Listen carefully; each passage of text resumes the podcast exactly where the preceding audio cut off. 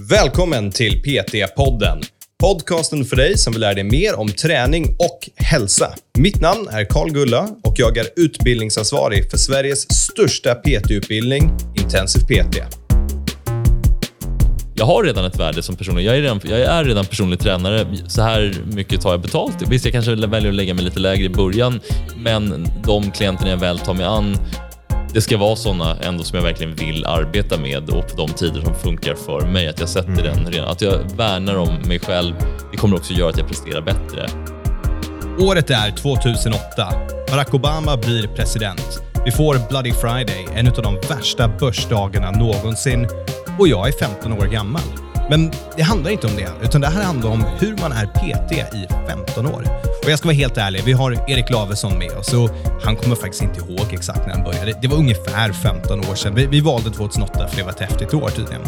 Uh, han utbildade sig för typ 20 år sedan och idag ska vi prata om hur han har hållit som personlig tränare i 15 år. Men det är inte bara liksom alla klyschor som han kommer dra nu, se till att ta hand om dig själv och så vidare, utan jag kommer ställa alla klyschfrågor till honom.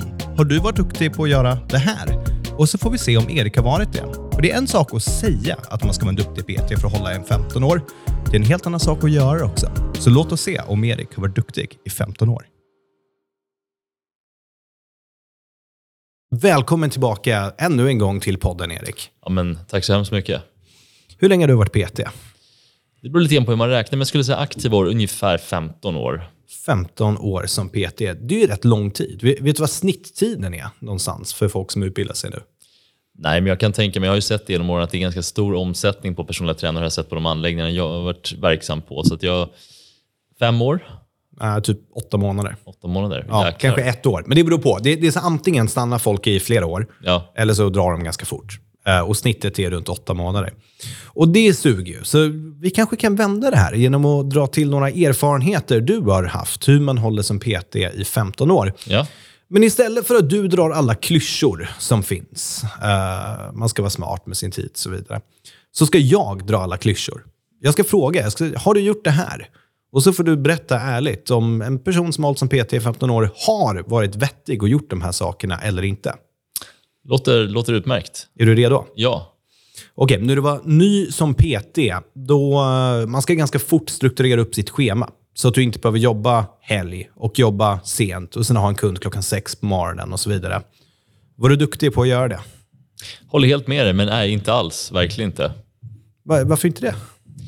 Ja, man vill ju vara tillmötesgående med nya klienter och um, man, visste, man visste i början hur svårt det var att få in den första kunden. Då vill man ju, så att, sen rullar det på och då var det svårt att säga nej helt enkelt. Så att jag har absolut gått i den fällan och inte bara en gång utan kanske tre, fyra till och med. Men har du någonsin lärt dig det?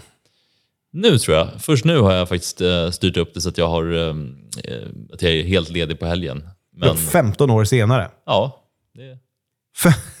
har du jobbat helg i 15 år? Ja, faktiskt. Det är ja, i alla fall en av dagarna. Inte två, men Ja. Okej, okay, så nummer ett, hur man lyckas som PT i 15 år, ha, jobba inte helg. ja, det, precis, det är väl en ganska bra, bra tumregel. Eller åtminstone ska jag säga, åtminstone ha för jobbar man heltid som PT tycker jag egentligen att det kan, vara, det kan vara en fördel om man har den möjligheten beroende på hur ens eh, liv i övrigt ser ut, familjesituation. Tänk att man, man, kanske, man kan ju bestämma sig för att okay, fredag, lördag är min helg och sen är jag ja. beredd på att jobba på söndag för då är det lite lugnare på gymmet, det, går, det är ganska lätt att fylla upp dagen, få till ett bra schema. Nackdelen dock, det är ju att då kanske man måste tacka nej till en hel del sociala tillställningar på lördagskvällarna för då vet man det, att då har jag då har jag den här överenskommelsen med den här klienten att 07.00 söndag morgon eller 08.00 eller när det nu börjar, då, ja, då ska jag stå där och vara fit for fight leverera. Då, då, måste jag gå och lägga mig tid på lördagen och det kanske innebär att man måste tacka nej till en hel del roliga grejer. Så mm. Det kan ju vara, men, men det kan, skulle kunna vara en sån grej. Så att i alla fall, håll helst, helst två, två dagar i veckan helt, eh, helt lediga och gärna då att de är sammanhängande. Men sen om det är just lördag-söndag eller om det är fredag-lördag eller liksom söndag-måndag, det kan man göra lite som man vill. Okej, så då, då har vi nästa då, i samband med, med schemaläggning. Men undvik att jobba för många kvällar. Har, har du varit duktig på det? På senare år, ja. Men eh, längre tillbaka, nej, absolut inte. Det, du kan inte säga på senare... 15 år är lång tid. på senare år, det skulle kunna vara åt, sen åtta år tillbaka eller ja, senaste två åren. Senaste två åren, då säg. Mm. Förut har jag varit lite mer att nej, men jag kan, är det någon som vill köra, då, då kör vi sent. Men nu har jag insett det också. Att nu, nu har jag mina rutiner. Jag vill gå och lägga mig tidigt, träna på morgonen. Så då, då, då finns det ingen tid att jobba allt för sent. Och, Ja. och helst inte för många kv- kvällar heller. Ja, men det är ju lite verkligheten. Att beroende på hur man lägger upp sitt schema så kommer det vara kvällar som man får jobba. Och Ja. Det borde man vara med på. Absolut. Så hur fint det än låter att säga du ska inte jobba kväll, du kommer vara tvungen att göra det ibland. Förmodligen. Definitivt.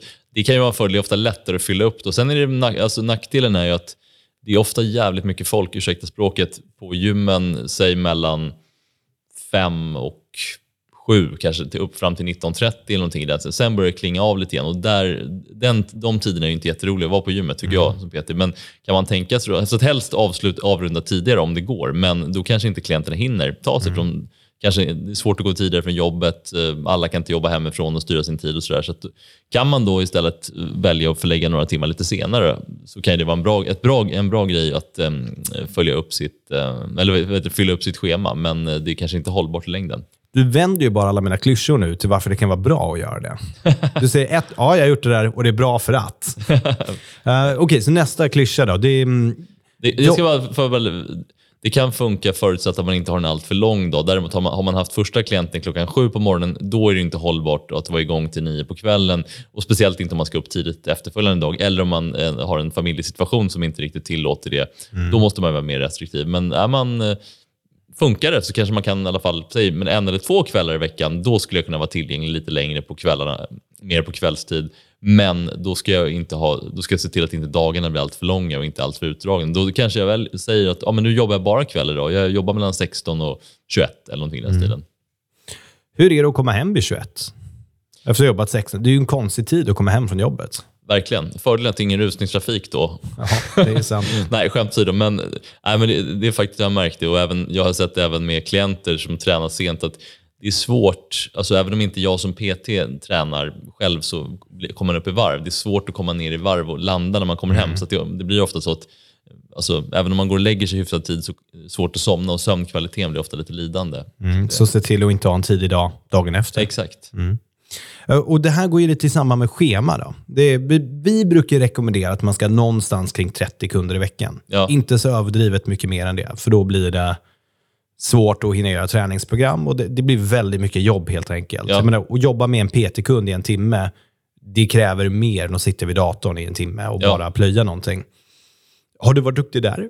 Det har jag faktiskt varit. För jag har, det är väl en av mina, både på, på gott och ont, att jag har inte... Jag, måste, jag kan inte ha för många klienter. Jag har inte obegränsat med social energi. Så jag måste begränsa men det har, det har jag känt redan från början. Så att jag har, jag när jag jobbade som mest heltid tror jag att jag låg någonstans där på 100-120 timmar i PT-timmar i månaden. Det tyckte jag var, eller jag, jag skulle egentligen kanske vilja ta något färre, mellan 90 och 100 säger men sen är det också en ekonomisk fråga. Men, eh, så jag håller helt med. Så där har jag varit ganska duktig. Jag älskar hur du säger också. Det är inte jag har inte tid, utan jag har inte social energi för det. Aj, Och det, sen det är ju jag, sant va? Ja, verkligen. Sen, sen ska jag säga, det är helt sant i mitt, mitt fall. Sen har jag kollegor som är rena maskiner. Jag hade en eh, kollega på ett ställe, en väldigt trevlig kille. Han eh, var någon dag, han hade 13 klienter på rad. Helt sjukt. Det är ju ja, verkligen, ja, men han, eh, nej, för hon, han tyckte att det funkade. Han klämde in lite toalettbesök emellan där. Det är tufft. Så det, men um, någon annan som hade liksom tio, ja, men kunde ha tio klienter och tyckte han, tyckte han såg väldigt pigg ut rakt igenom och verkligen levererade det. Men jag skulle inte klara det. Jag skulle tycka att nej. Ja, och det, det, sånt där är viktigt att ta vara på. Hur mycket social energi har jag? Jag, jag hade ju inte så mycket kunder och jobba här så mycket. Sen började jag jobba här på Crossfit Södermalm lite mer nu. Eh, och jag kom hem och snackade med min fru och bara, jag, fan, jag börjar bli grinig. Jag börjar bli sur. Och jag, jag kopplade inte det till att jag började jobba här mer. Jämfört med att sitta hemma och jobba. Och sen min social, jag förstod inte att min sociala energi var slut. Att det var det som var grejen. För jag började bli bitter. Liksom. Ja, Och hon bara, ja du är ju mycket mer social än vad du är nu. För det var ofta så här, någon har gjort något och jag orkar inte, jag har inte tålamod för det. Ja. Och så här, då kanske jag har slut på energi. Du är ju på gymmet tre dagar i veckan nu istället. Och bara, ja det är fan sant. ja. Verkligen. Så- Men det är nog olika, för, det är ju väldigt olika hur man är som person naturligtvis. Jag, och det beror på vilka klienter man har. har man klient, vissa klienter får man energi av också ska jag säga. Men eh, det gäller ju att känna efter hur man själv är som person och vad, vad som passar en själv. Fan vad klyschigt det där lät. Ja, men jag, Ursäkta jag, för det. Följdfrågan till den är, har du varit duktig på att kicka dåliga kunder? För det är någonting vi rekommenderar. Har du en kund som tar energi eller Ja. är tråkig, bli av med dem. Exakt. Jag har varit Längre tillbaka var jag väldigt dålig på det, för då tänkte jag att jag såg det som ett misslyckande och man vet också hur svårt det är att få klienter. Men eh, jag skulle säga att ja, senaste ja, men två, tre åren har jag blivit mycket, mycket bättre på det. Och eh, försöker hörsamma det eller försöker referera vidare och så vidare. Men jag kanske mer, lite mer passivt gjorde det tidigare, att man då Istället för det här att man, vi hörs efter sommaren, då kanske man lät det rinna ut i sanden lite grann. Att man, någon, någon kanske hade något klipp kvar och så lät man det rinna. Men å andra sidan, är man anställd som PT är inte det jättesnyggt heller, för då kommer ju anläggningen vill ju ändå ha in dem. Då är det bättre om man aktivt är pro, att man är proaktiv. Där. Vet du vad?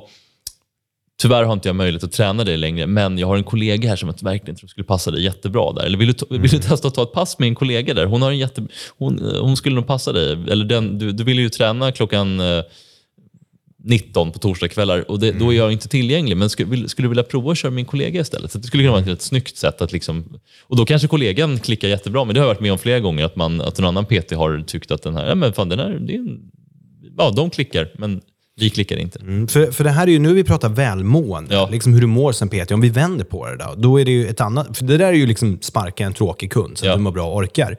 Om vi vänder på det, ska du också ha råd att jobba som PT.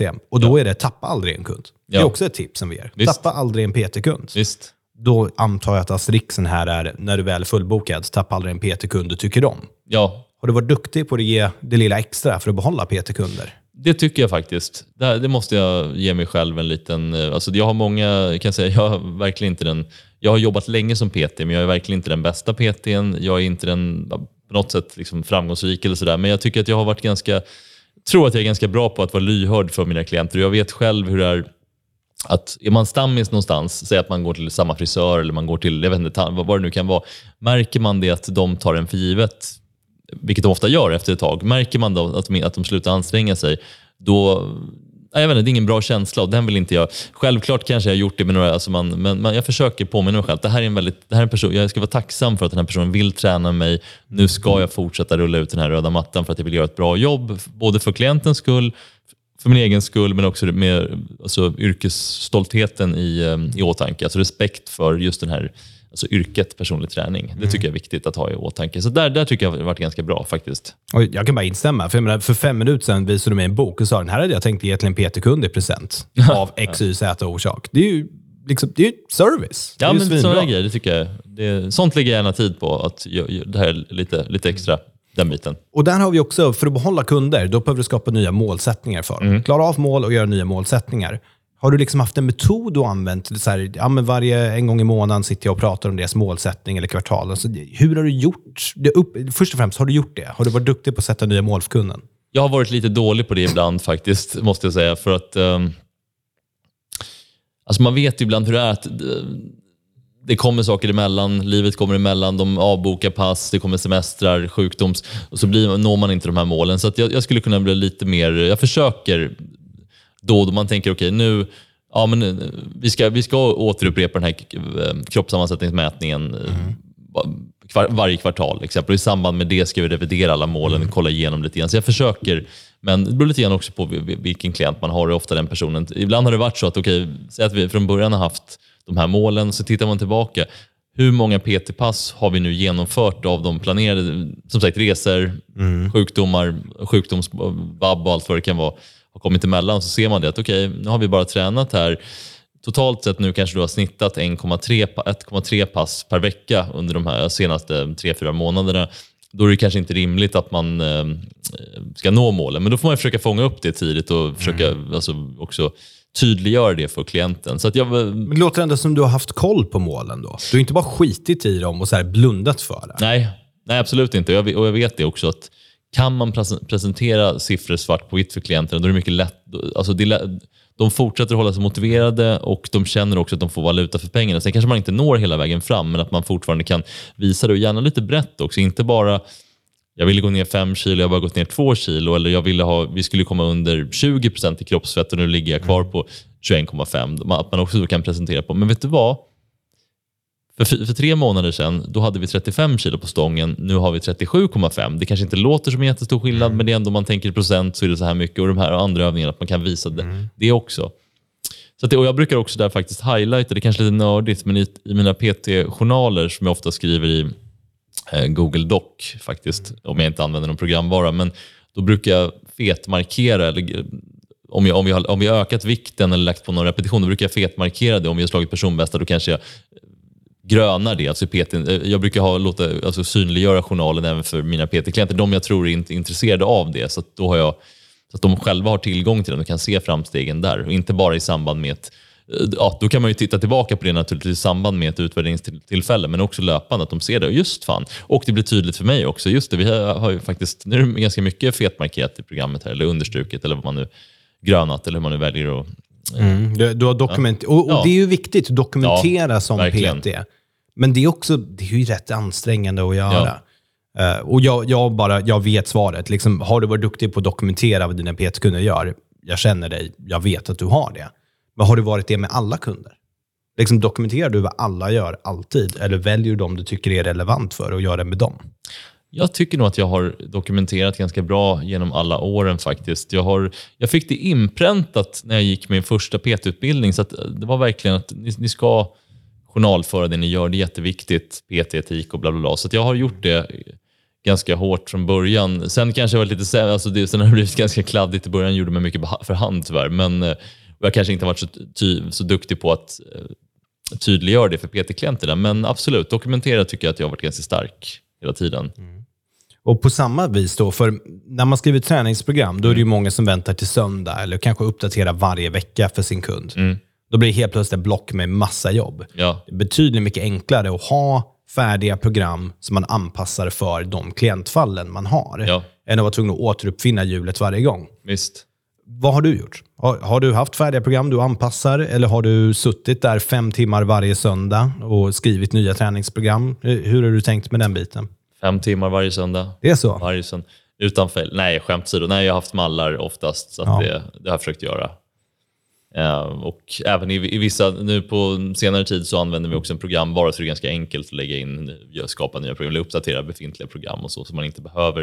Men jag tror det är bra allt det som PT, att man, man blockar av, alltså mentalt. Man, istället för att tänka att nu måste jag sitta här och göra det, då vet man att okej, okay, nu Säg, nu, nu kanske man vill hålla helgen fri i och för sig, men säg att nu, måndagar här mellan 11 och 14, då är det svårt att fylla upp med klienter. Ja, men då har jag en ren admin, ett adminblock och då gör jag mm. allting. Då, då kan jag vara inställd på det. De här tre timmarna, då är det admin. Då ska jag göra såna här grejer som kanske är lite mm. tråkiga, men då kan jag liksom mentalt stänga in mig i det. Nu vet jag att det här är en del av mitt arbete och då gör jag de här grejerna. Mm.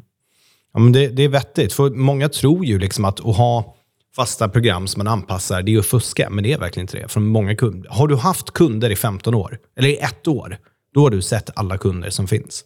Då är det anpassningar som behöver göras, individuella. Ja. Men oftast vill, behöver folk liksom samma sak. Ja, visst. Och det är ju, men som sagt, använder man en programmall så är det inte det, men man, man ändrar ju innehållet sen och ja. lite nya övningar. Så det, det, tycker jag inte är konstigt. Man ska ju inte överjobba som PT, man ska göra det enkelt för sig själv mm. i slutändan. Och, eh, ja, du vill spendera så mycket tid som möjligt med kunden.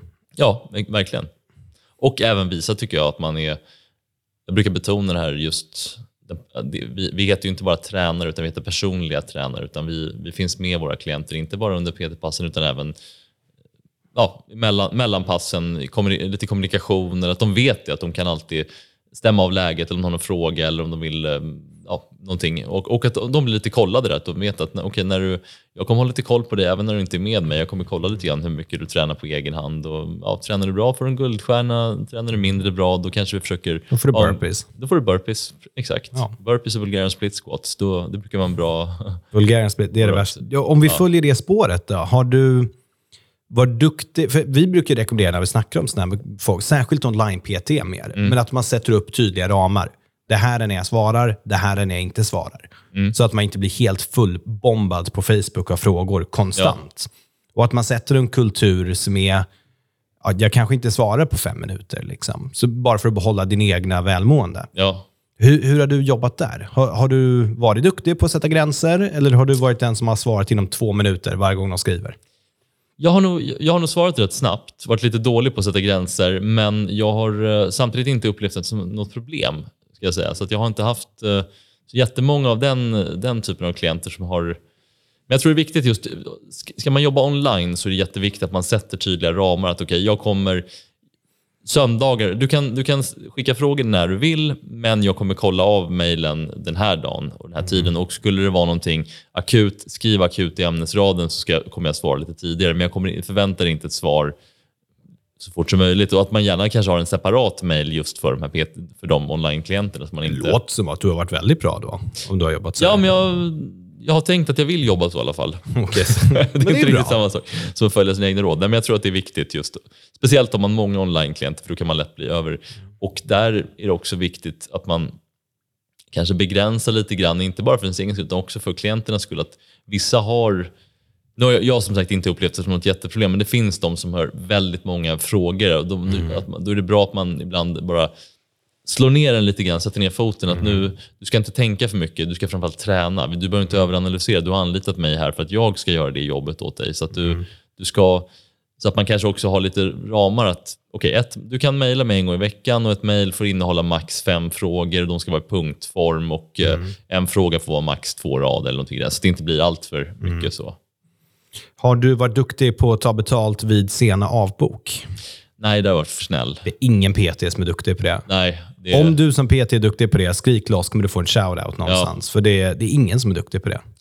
Faktiskt. Grejen var lite så att på ett gym som jag var anställd för länge sedan, då hade vi som regel att om vid en sen avbokning skulle vi debitera dem och, det, och då får vi betalt ändå. Men, men för att vi skulle få ut vår lön, då var vi tvungna att sitta och ringa till ej aktiva medlemmar. Och ej, det, är för, det är verkligen det, det är för sig ett bra sätt ska jag säga att få in då, att boka in instruktionstimmar och få ny, fylla på en PT-klient. Så det är ett bra... Jo, men, men, du har redan gjort det. Du har ju kunden. Ja, men precis. Så, att, ja, så att då brukar det ofta vara lite snällare och skippa den biten.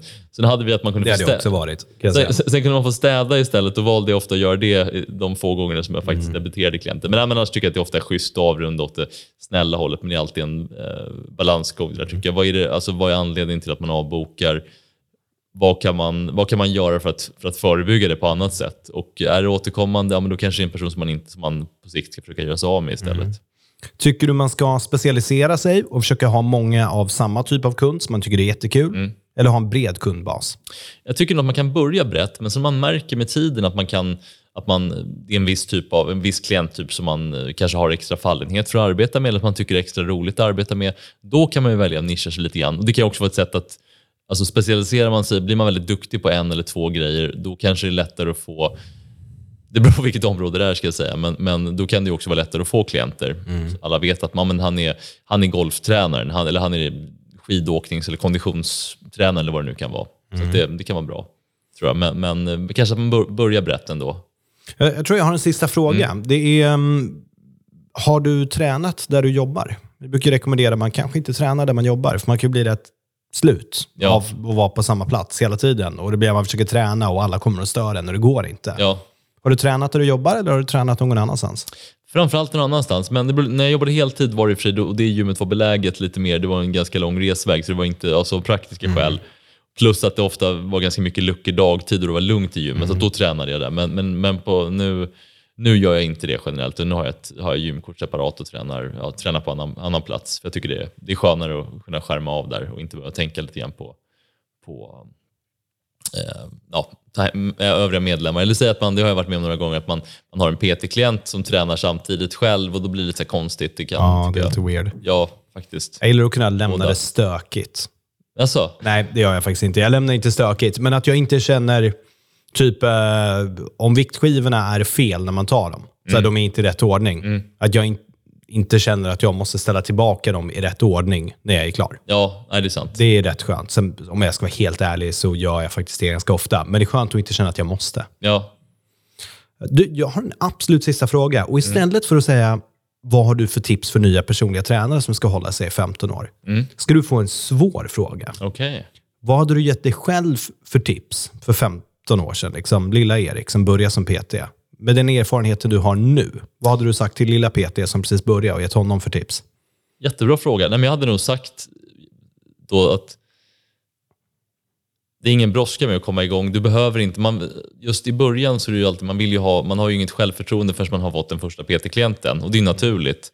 Men då hade jag nog tänkt mig att sätt, sätt, ditt, sätt ett värde på det du gör redan från början. Tänk inte nu att och jag måste ha klienter, utan tänk mig att okay, jag, jag har redan ett värde som personlig. Jag är redan, jag är redan personlig tränare. Så här mycket tar jag betalt. Visst, jag kanske väljer att lägga mig lite lägre i början, men de klienterna jag väl tar mig an, det ska vara sådana ändå som jag verkligen vill arbeta med och på de tider som funkar för mig. Att jag sätter mm. den redan. Att jag värnar om mig själv. Det kommer också göra att jag presterar bättre. Eh, så det, det, är väl en sån grej i början, att man, man tänker det att man man, det är lätt att tänka som PT att när man inte har några klienter så är man värdelös. Att man, men, ja, har man tagit sig igenom PT-utbildning, man har sin licens, då är man personlig tränare och sen visst, det kommer som med alla andra yrken att det kommer alltså, det krävs en viss, mm. eh, alltså ett visst antal timmar innan, innan, innan man liksom börjar behärska yrket. Men likväl så ska man, alltså man, man är personlig tränare, då, då ska man eh, eh, ja, alltså arbeta inte med en klient du inte vill arbeta med, ta inte för lite betalt och arbeta inte på tider som inte funkar med ditt, din vardag och ditt schema i övrigt. Det är väl de tre. Alla klyschor som du sa att du var dålig på att göra, typ? Ja, exakt. Alla klyschor. Det var, ja, jag tänkte jag skulle bjuda på det. Ja, varför inte? Tror du att du kommer, tror vi kommer sitta här om 15 år? Och du kommer fortfarande haft kunder 15 år till? Ja, det tror jag faktiskt. Jag skulle säga att PT-yrket är väl det som jag skulle... Alltså sist, jag, jag tänker mig faktiskt att det skulle kunna göra... Säg att man är hyfsat fit när man är där, kommer upp 67, 69, 70 när det börjar bli dags att gå i pension. Eller vem vet, det kanske är 75 Ja, I det vi, laget. vi får aldrig gå i pension. Nej, vi får aldrig gå i pension. Men då tänker jag att då är det perfekt. Då kan man fortsätta vara en dag, en dag i veckan på gymmet och ha några PT-klienter och få in lite sidoinkomst. skulle jag definitivt kunna tänka mig. Så det, det är det som sist ryker. Det är liksom passionyrket. Jag vill inte göra det på heltid längre, men jag vill, inte, jag vill alltid, det kommer finnas med där. Så jag tror definitivt att jag kommer göra det om 15 år. Hur häftigt skulle det inte vara om vi kunde följa upp om det här om 15 år från nu? Det vore vi, grymt häftigt faktiskt. Vi får se. Ja, hörni, den som väntar får se. Men vi ska inte vänta 15 år tills du är med nästa gång i podden. Så tills dess säger jag tack Erik och vi hörs nästa gång. Tack själv. Alltid lika trevligt att medverka.